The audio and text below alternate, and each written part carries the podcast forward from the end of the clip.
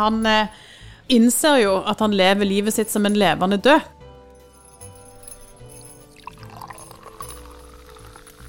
Eh, Dette har jeg gleda meg veldig til. Velkommen til Sølvbergets eh, klassikerpodkast, julespesial. Snøen laver stille ned, treet er pynta, og i den ene dype lenestolen sitter Kielland-senterets leder Stine Honoré tankefullt med en kopp gløgg. Borte ved peisen pakker Thomas Gustafsson inn de siste gavene og forsyner seg forsiktig av skålen med snop. Fra mandag 3. januar kommer det en ny klassiker i podkasten vår hver uke. Det må dere få med dere. Eh, Vi vil gjerne ha tilbakemeldinger på podkast. Og i dag, siden det er jul, så skal det handle om julelitteratur. Og Stine, dette var din idé. Det er jo skrevet veldig mye om jul, og det jeg kom på, er jo at veldig mye av det har jo en slags liksom mørk, trist undertone i all kosen. Eksempel Se Marekken det snør av Astrid Lindgren. Der handler det om eh, byens alkoholiker som blir involvert i handlingen. Eh, så har det selvfølgelig Christmas Carol av Charles Dickens. Ja, Snekker Andersen er vel kanskje bare koselig. Eh, Ja, det er ganske koselig. det er koselig. Ja. Ja. Men, men Jesus ble født i en skitten stall, og til og med nissen har jo dette her Han gir bare gaver til de som har vært snille. Sant? Sånn det, ting ligger og lurer i bakgrunnen her.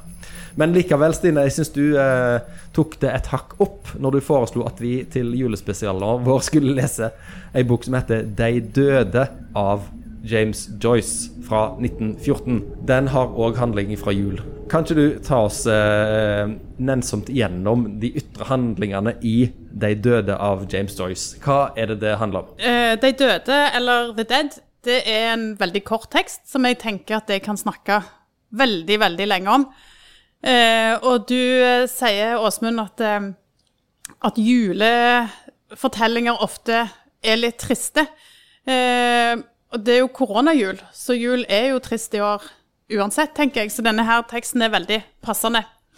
Men det som skjer i De døde, det er kort oppsummert at det er jul, og vi er på frøken Kate og frøken Julias tradisjonelle juleball. Eh, de arrangerer dette hvert år hjemme i huset sitt. Og dette årlige selskapet følger et sånn fast mønster. Det er de samme gjestene, det er samme maten, det er de samme samtaletemaene, samme musikken. Eh, det er dansing, og det er punch, og det er jo egentlig topp stemning. Jeg syns når du leser teksten, så blir du litt sånn sugd inn i dette juleballet og i den julestemningen. Du føler litt at du er til stede. Du hører sånn musikk og dansing i det fjerne, og glass som klirrer, og skåling. Eh, men det er òg litt sånn, syns jeg, vet ikke om dere er enig i det, det er litt sånn som eh, Grevinnen og Hovmesteren. Bare litt livligere og litt kjekkere. Flere gjester, men det er litt sånn same procedure as last year. Det er det samme på repeat, men alle elsker dette juleselskapet.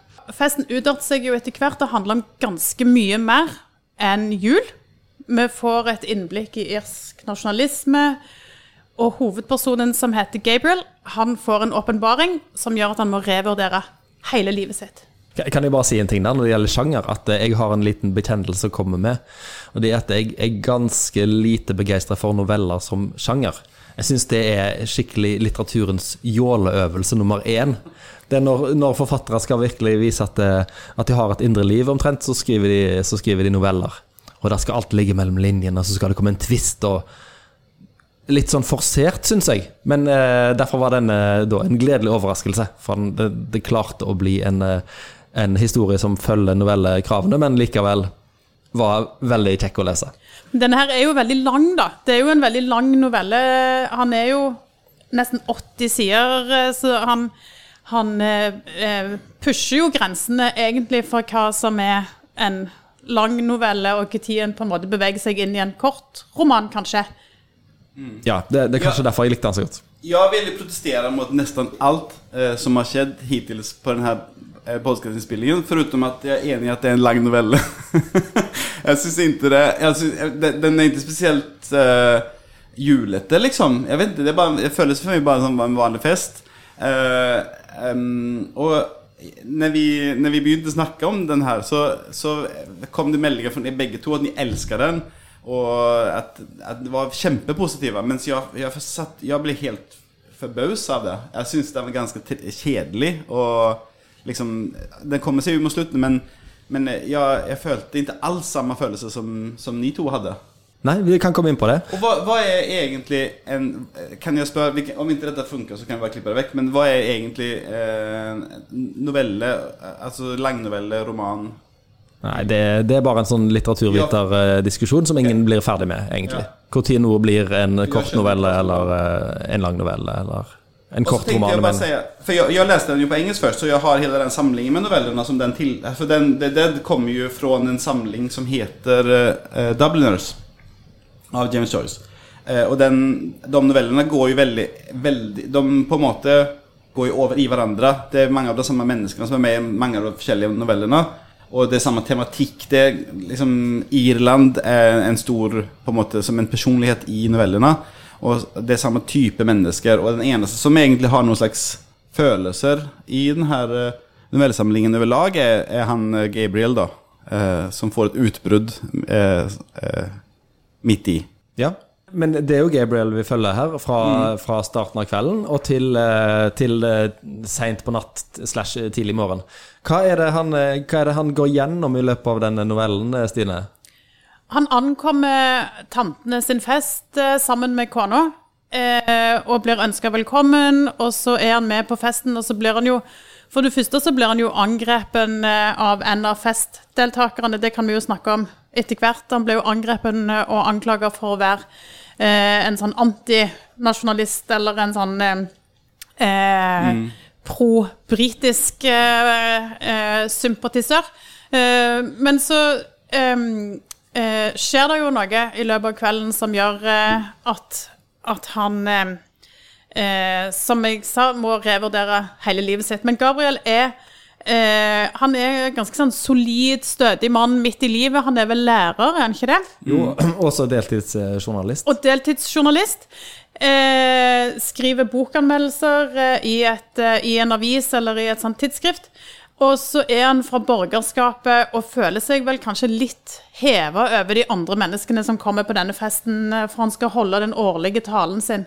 Og så tenker han sånn Å, hvis jeg siterer Shakespeare, så forstår alle det, men hvis jeg siterer Browning, så det er kanskje ingen som, eh, som vet hva jeg snakker om. Og så tenker jeg han er litt sånn Han er litt kjedelig, han er rutinemenneske. Og eksempel når han ankommer festen, da, så roper han opp eh, fra gangen så roper han sånn Her er jeg, like sikkert som posten, tante Kate. Men det passer jo egentlig inn fordi de andre stresser vel. Kommer han? Har han kommet igjen? Kommer han? Liksom, de venter jo veldig sånn med spenning på honom, da. Men, men det er vel bare tantene som egentlig venter i spenning Ja, det er på han. sant. For, og, og, det kommer Vi kan bare si det med en gang. Eh, Det kommer til å bli spoilere her. Dere må lese denne teksten først hvis dere vil unngå det, og høre podkasten etterpå. Og det, det, det, det tar et par timer. Det er ikke, så, det er ikke langt å lese, Nei, liksom. Den er på 70 sider. Men sant? Ja. Gabriel han er bare tantene sin helt. Han, eh, I store deler av det andre som skjer, som involverer på en måte mer hans egen generasjon, så er han tilsynelatende med i begivenhetene, men likevel ikke. Han er, han er på utsida av begivenhetene, syns jeg. Og jeg syns det var det som var kanskje mest interessant med denne novellen, var denne personen som er bare litt ute av takt med på en måte det som skjer. Han, han spiser maten etter de andre, for han har stått og delt opp gås som alle andre har spist. Og når han har spist, så man skynder seg å spise middag når de er ferdig med å spise den. Og så vil han ikke ha pudding til dessert, han vil ha sellerirot som han sitter og spiser på. Og, og dette, dette begynner jo allerede tidlig i, eh, i teksten. Idet han kommer inn, så eh, starter han kvelden med å fornærme Lilly, som er tjenestejenta i huset, med å spørre om hun ikke skal gifte seg snart. Og Det er bare en litt sånn munter replikk. Han mener ikke å være frekk, men han får virkelig får den rett i trynet igjen. Og så vil han, eh, for å gjøre det godt igjen, så vil han gi hun en liten eh, penge. Som sånn Det er jo jul, ta litt penger fra meg. Og da blir hun sur for det òg. Og dette innleder på en måte en hel tekst hvor Gabriel, midtpunktet, òg er, el. ikke det likevel. Og så tenker jeg mot slutten at når han har gått gjennom alle disse stadiene med nederlag på nederlag, små nederlag, men, men likevel, da skal det bli bra igjen. Men så blir det jo bare katastrofe eh, det han finner ut, nå kommer spoileren, at eh, kona hans eh, stort sett tenker på en, en gutt som var forelska i for mange, mange år siden, en gutt som døde av sykdom. Det er det som skaper det hennes emosjonelle øyeblikk denne kvelden. Det er ingenting av det Gabriel gjør. Det er denne døde tenåringsgutten. Så det var en lang replikk, men eh, for meg er det beholdningen i denne romanen. Det er Gabriels uh, ute av tiden, eller ute av øyeblikket-liv. Ja, og så er han jo litt sånn eh, Sånn som hun kona eh, syns vel egentlig kanskje at han er litt irriterende, eh, for han er så redd for at hun skal bli forkjølt. Det er sånn tvingende til å gå med sånn kalosjer og eh, Ja, jeg tror Hva, hva, hva er det hun, hun, sier sånn En sånn mann skulle du hatt, sier hun til uh, noe andre om han. Hva er det han, han sier noe sånn Han er bare Han er omtenksom, men litt irriterende.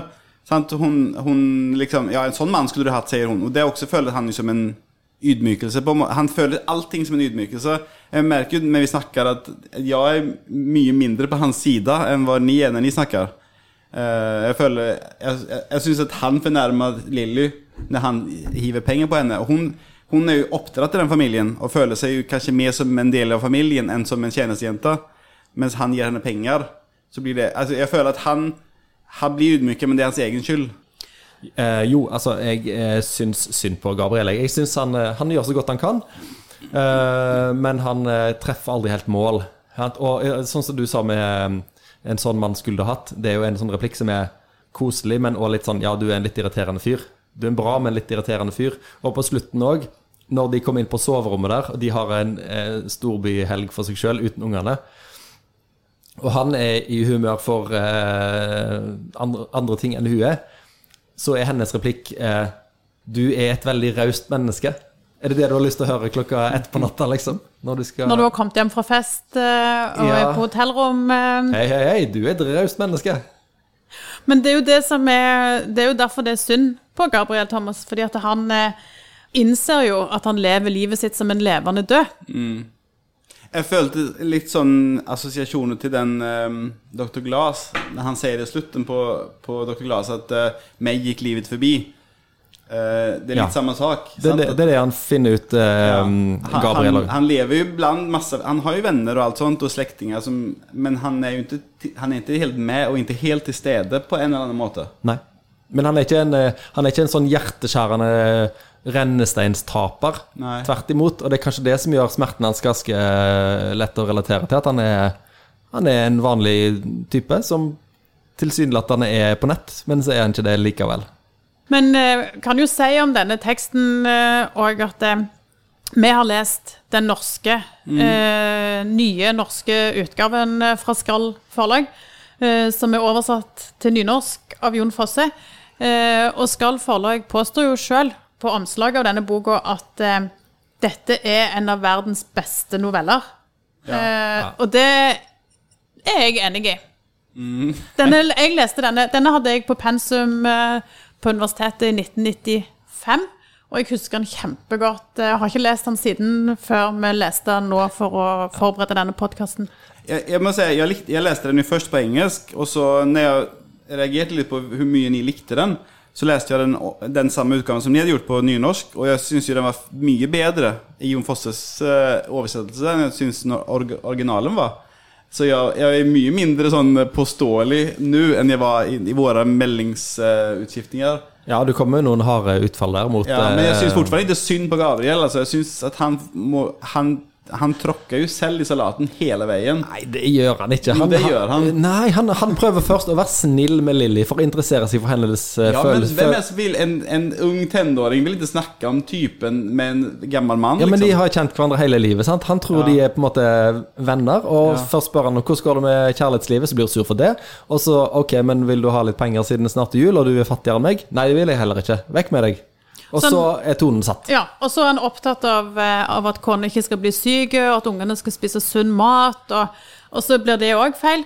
Men jeg tenker at det, det handler jo ikke bare om, om Gabriel, eh, dette her. Det handler jo om, om det å være et menneske, og det å leve eh, et liv som skal ta slutt. Jeg, jeg tenkte at han er nesten en, eh, en eh, skandinavisk 2000-tallsmann som er sluppet ned i 1914.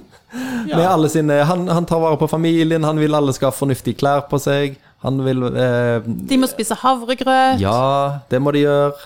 Så han er veldig lite um, Han er ganske litt sånn sjølutslettende, kanskje det er det som er greia hans? Jeg, jeg, han er så Han er veldig følsom. Han, han, han vil Jeg tror jo, som du Stine sier, han vil jo egentlig vel. Jeg, jeg tror ikke det er noe vondt igjen, liksom. Men han, han kommer helt tiden i situasjoner som han, han nesten rømmer fra.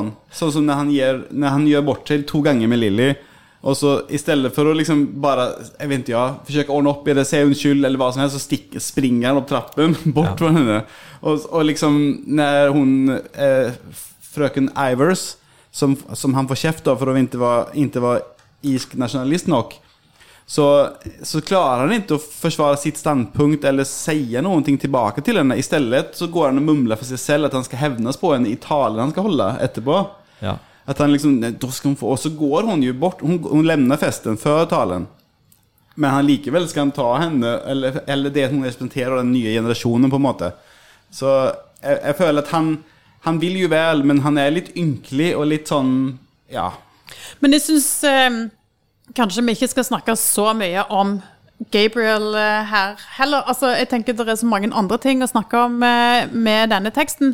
Og det er jo en del av, sånn som du Thomas sa, det er en del av en novellesamling eh, som heter Dubliners, som kom i 2014. En tenker jo Dubliners, er det et band, er det en pub? Men det er jo en Det er begge- sikkert det er begge begge deler. deler. Ja, men det er òg denne her novellesamlingen som er veldig kjent, som, som ble utgitt av James Joyce i en periode når eh, den irske saken var veldig aktuell og veldig relevant, og sånn som hun her, Miss Ivers, representerer jo noe veldig viktig eh, fra den tida. Eh, fordi at hun eh, er irsk nasjonalist og kritiserer Gabriel for å være pro-britisk. Mm. Og dette var jo ekstremt betent, eh, og det har det jo vært eh, egentlig hele veien, nesten etter det òg, selvfølgelig. Men, men det går ikke an å lese disse tekstene uten å, uten å diskutere eller uten å se på den irske saken, da, eller um... Men jeg, jeg, apropos fru Ivers, det som har vært morsomt med å researche denne episoden, er å lese det som er skrevet om frøken Ivers på nett og i analysen av, eh, av eh, de døde. Og jeg forstår ikke at ingen har sagt at det hun gjør, er jo bare flørting. Det er bare det hun driver med. Men igjen, hun er en, en, en eh, 2000-tallsperson som er sluppet ned i Dublin i 1914. For måten hun nærmer seg han på, på det dansegulvet, og de replikkene hun har, er jo bare sånn, sånn erting, eh, sånn vennskapelig flørte-erting. sant? Eh, Når hun, hun begynner vel med å si 'jeg har hørt et rykte om deg', Ja, det er sant, helt sant. «Åh», sant? Det er jo sånn kvinner holder på. Sant? Sette øynene i Sånn holder vi på hele veien. Alle sammen! Ja, men sant, det- altså- ja, men jeg, jeg, jeg, når du sier det på den måten, så er jeg enig. Hun, hun, hun driver både med sånn der 'Å, du, du er engelskvennlig, fy, fy, fy', og så 'Jeg bare tuller', og så holder hun han varmt i armen, og så er det liksom sånn la-la-la-la-la. Ikke komme og si at, at det her er knallhard politisk kritikk. Da leser en for lite mellom linjene. ja, for hun, hun, eh, hun merker jo at han ikke at Hun merker at han blir satt ut når hun på en måte attakkerer ham, da, litt lekfullt. Ja. Og da sier hun etterpå tar hun på og så sier hun jeg, jeg bare tuller, jeg likte godt. Hun, altså, hun sen- tilsendt en av hans anmeldelser og likte, sier hun at hun likte veldig godt. Ja, ja. For hun merkte at han ikke taklet å bli eh, satt, på, eller som satt mot veggen, på en måte. Ja, det står på et tidspunkt her i, denne, i Jon Fosse-varianten Jon Fosse-varianten at hun kviskrer i øret hans. Altså, det driver jo ikke knallharde politiske aktivister med overfor uh, sine fiender. Det er ikke sånn at uh, Uh, Siv Jensen, nei, uh, Sylvi Listhaug kviskrer i øret til uh, Mimir Kristiansson hvis, eh, hvis hun er uenig med han. Altså, jo Det vet vi jo ikke. Nei, vi vet jo ikke det. Men jeg tror ikke det. Det kan være det som heter kvinnelist. Frøken Ivers er ute på en flørt, og når hun vil gå, og da går fra festen, så har jo han lyst til å følge henne hjem. Ja, stemmer. Og det, det er noe altså, Vi skal ikke snakke bare om Gabriel, men det, de der sinnsskiftene hans er interessant, syns jeg. Han er innom alle slags humør i løpet av uh, denne novellen. Sånn, Han, først er han fornærma på henne, og så har han lyst til å følge henne hjem. Og så, så står det en plass at det hadde ikke vært kjensler mellom dem før. Men det er det åpenbart nå, da, syns han. Men så plutselig, når de skal gå igjen, så er han veldig interessert i kona si. Da er han klar for å komme på hotellrommet.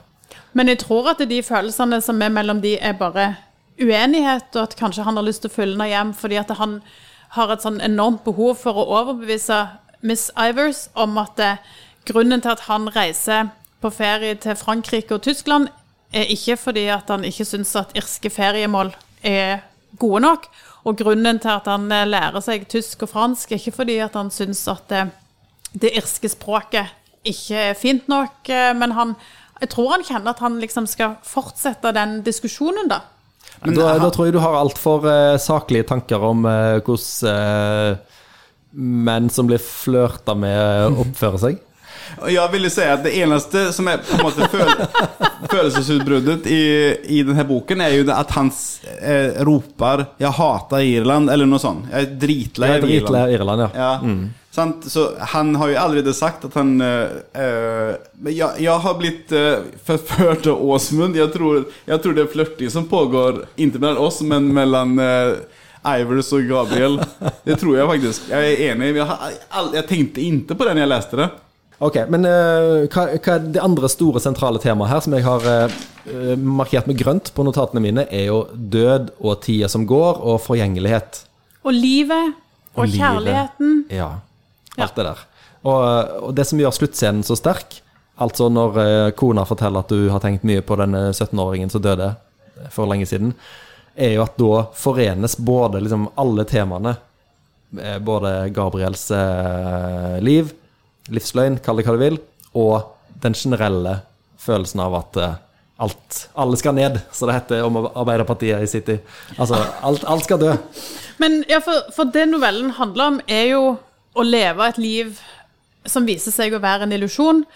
Og, og det er jo Vi følger jo Gabriel sine tanker eh, gjennom hele kvelden, eh, og følger hans indre følelsesliv og de tankene han har eh, om hun kona Greta, som hun heter.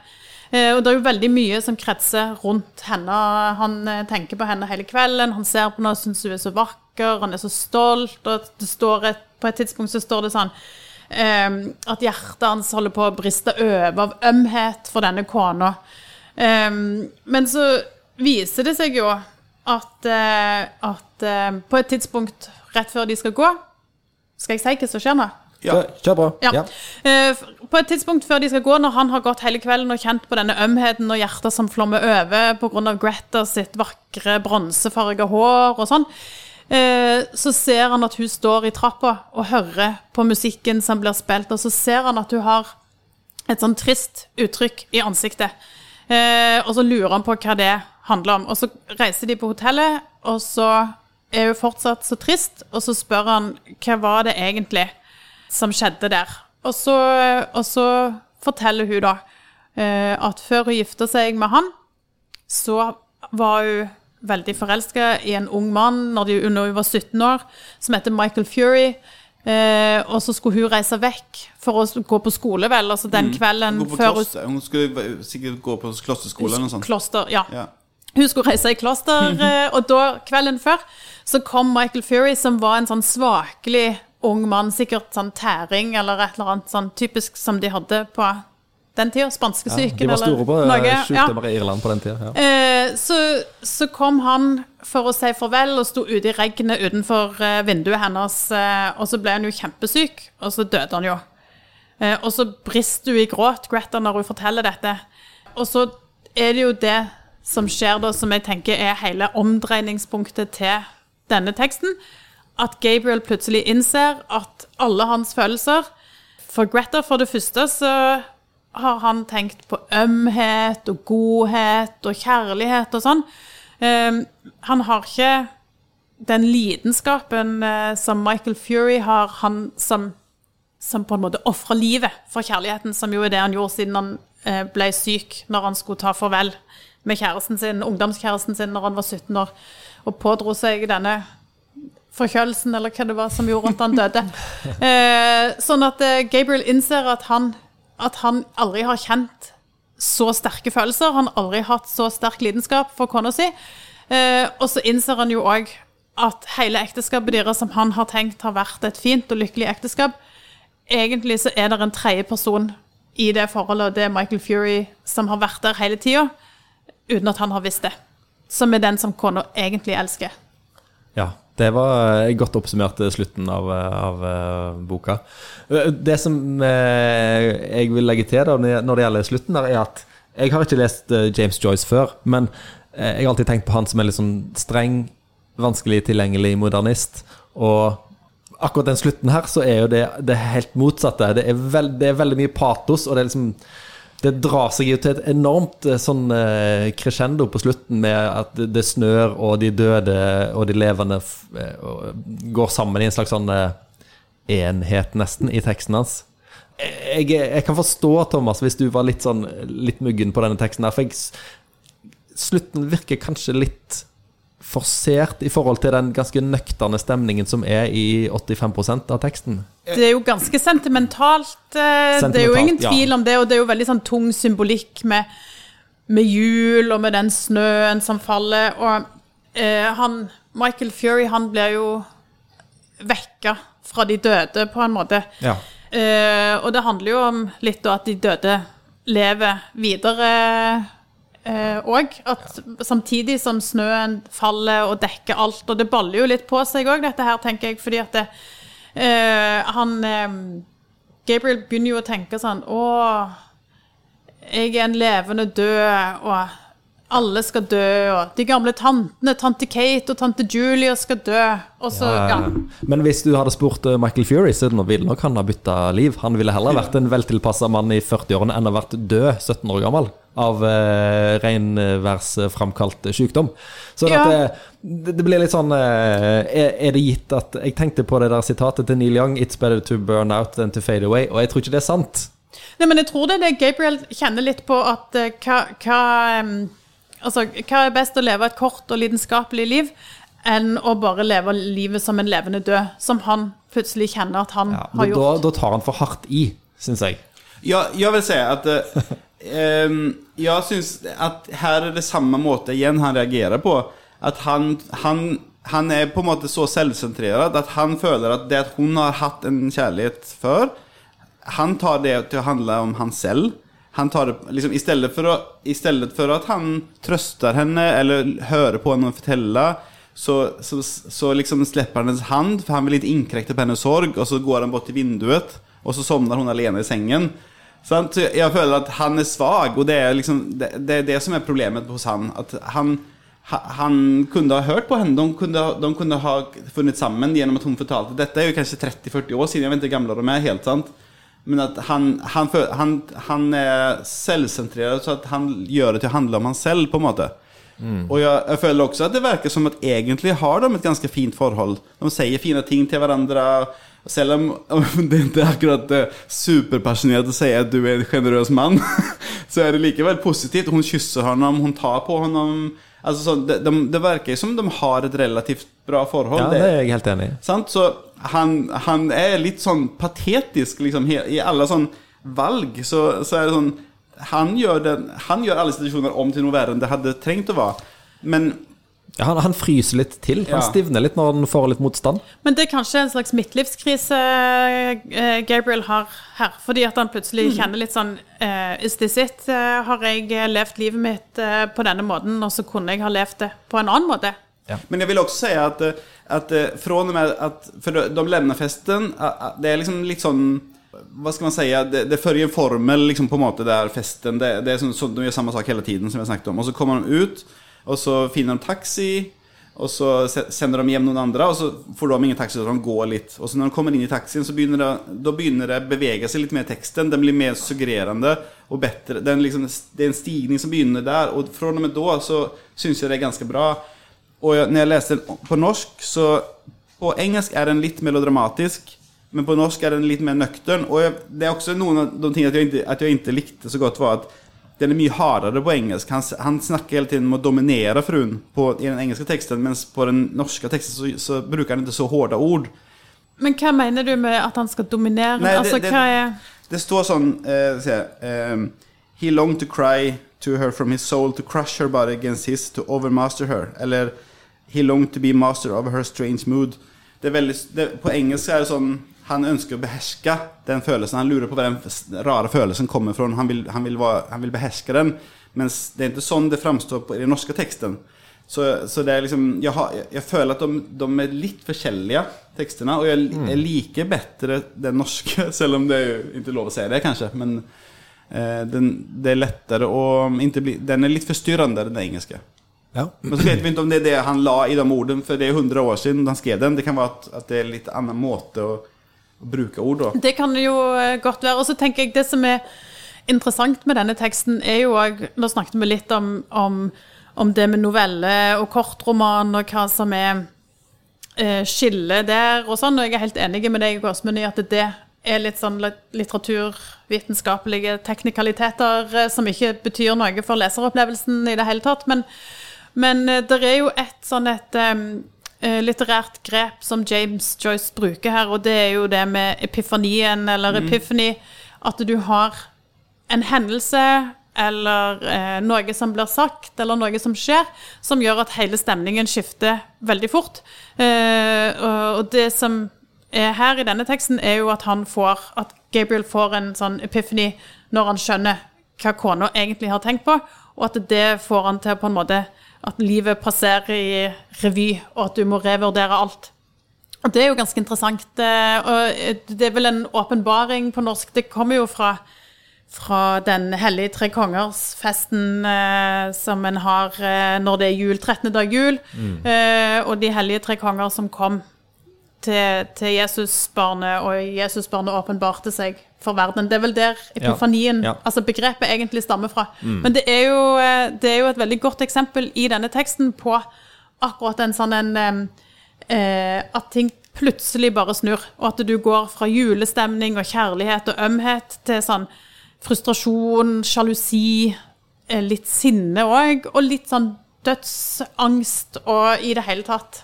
Så der syns jeg James Joyce, eh, denne teksten, veldig bra. Det er på en måte som i moderne språk plot twist, liksom. Fast det, det er en følelsesmessig twist. Og det, det, er- er supereffektivt. Eh, For plutselig så kan du se tilbake på teksten på en annen måte. Ja. Og så er det jo eh, Dette har jeg lest, og dette har jeg ikke kommet på sjøl. Men i, i denne novellen så er det jo sånn at eh, når hun, eh, kona til Gabriel, eh, hører dette musikkstykket, så er hun på en måte tilbake igjen i eh, barndommen eller ungdommen. Og det er jo altså, sånn, sånn uh, Madeleine-kakene til Marcel Proust. Idet han spiser kaka, så velter barndomsminnet fram. Altså det der sanselige uh, sanselige um, tilbaketuren til uh, fortida. Som òg er det som skjer i begynnelsen av uh, Norwegian Wood av Murakami. Den begynner vel med at han som voksen sitter på et fly, og idet flyet lander, så spilles det alltid sånn beroligende musikk på, på, på høyttalerne i flyet, og da spilles Norwegian Wood. Og da begynner han å huske tilbake på historien fra sin egen ungdom. Så det er jo ganske mye brukt eh, grep, men det funker jo veldig fint her, syns jeg. Det funker kjempefint. Og så er det jo òg en annen ting eh, som er eh, interessant med denne teksten, er jo at James Joyce ble regna for å være en tungt tilgjengelig forfatter. Han, han er jo vanskelig å lese. Eh, jeg f.eks. har hatt med meg eh, den Ulysses, eh, bind 1 og 2, har jeg flytta med meg fra hybel til hybel, fra kollektiv til kollektiv i eh, 30 år uten å lese.